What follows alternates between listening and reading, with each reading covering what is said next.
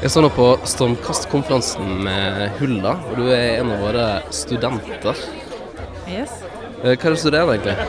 Jeg studerer statistikk og økonomi Ved Universitetet i Bergen. ved Universitetet i Bergen. Og nå er vi sånn godt over halvveis inn i Stormkastkonferansen. Hva er liksom inntrykket ditt eh, så langt?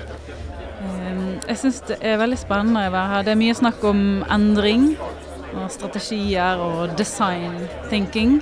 Hvordan skal man eh, designe fremtiden på Vestlandet? Er dette noe du eh, tenker på liksom, i studiene osv.? Eh, kanskje ikke så mye studie, egentlig, men det er noe jeg tenker på til daglig som meg sjøl. Og som prøver kanskje å få mer studiene inn i den tankegangen enn at tankegangen er i studiene allerede. Ja, ikke sant? Og så du er jo kanskje i litt annerledes posisjon enn veldig mange av de her litt dressjakke, hvite, høye menn-personer som er her. Uten til ingen forkleinelse for noen. Eh, For du er jo i studien, og du ser jo egentlig frem da mot en av framtid. Hva- Hva er den framtiden? Ja, si det.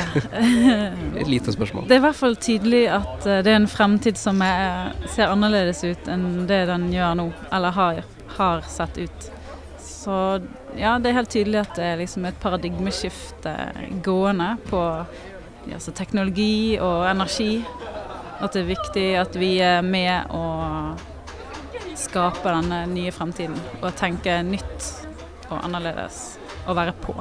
Nå skal jeg liksom utfordre deg litt på akkurat det. Om ett år, når du forhåpentligvis kanskje kommer tilbake igjen til Sommerkastkonferansen, hva er den ene tingen du helst ser skal ha som forandre seg til det?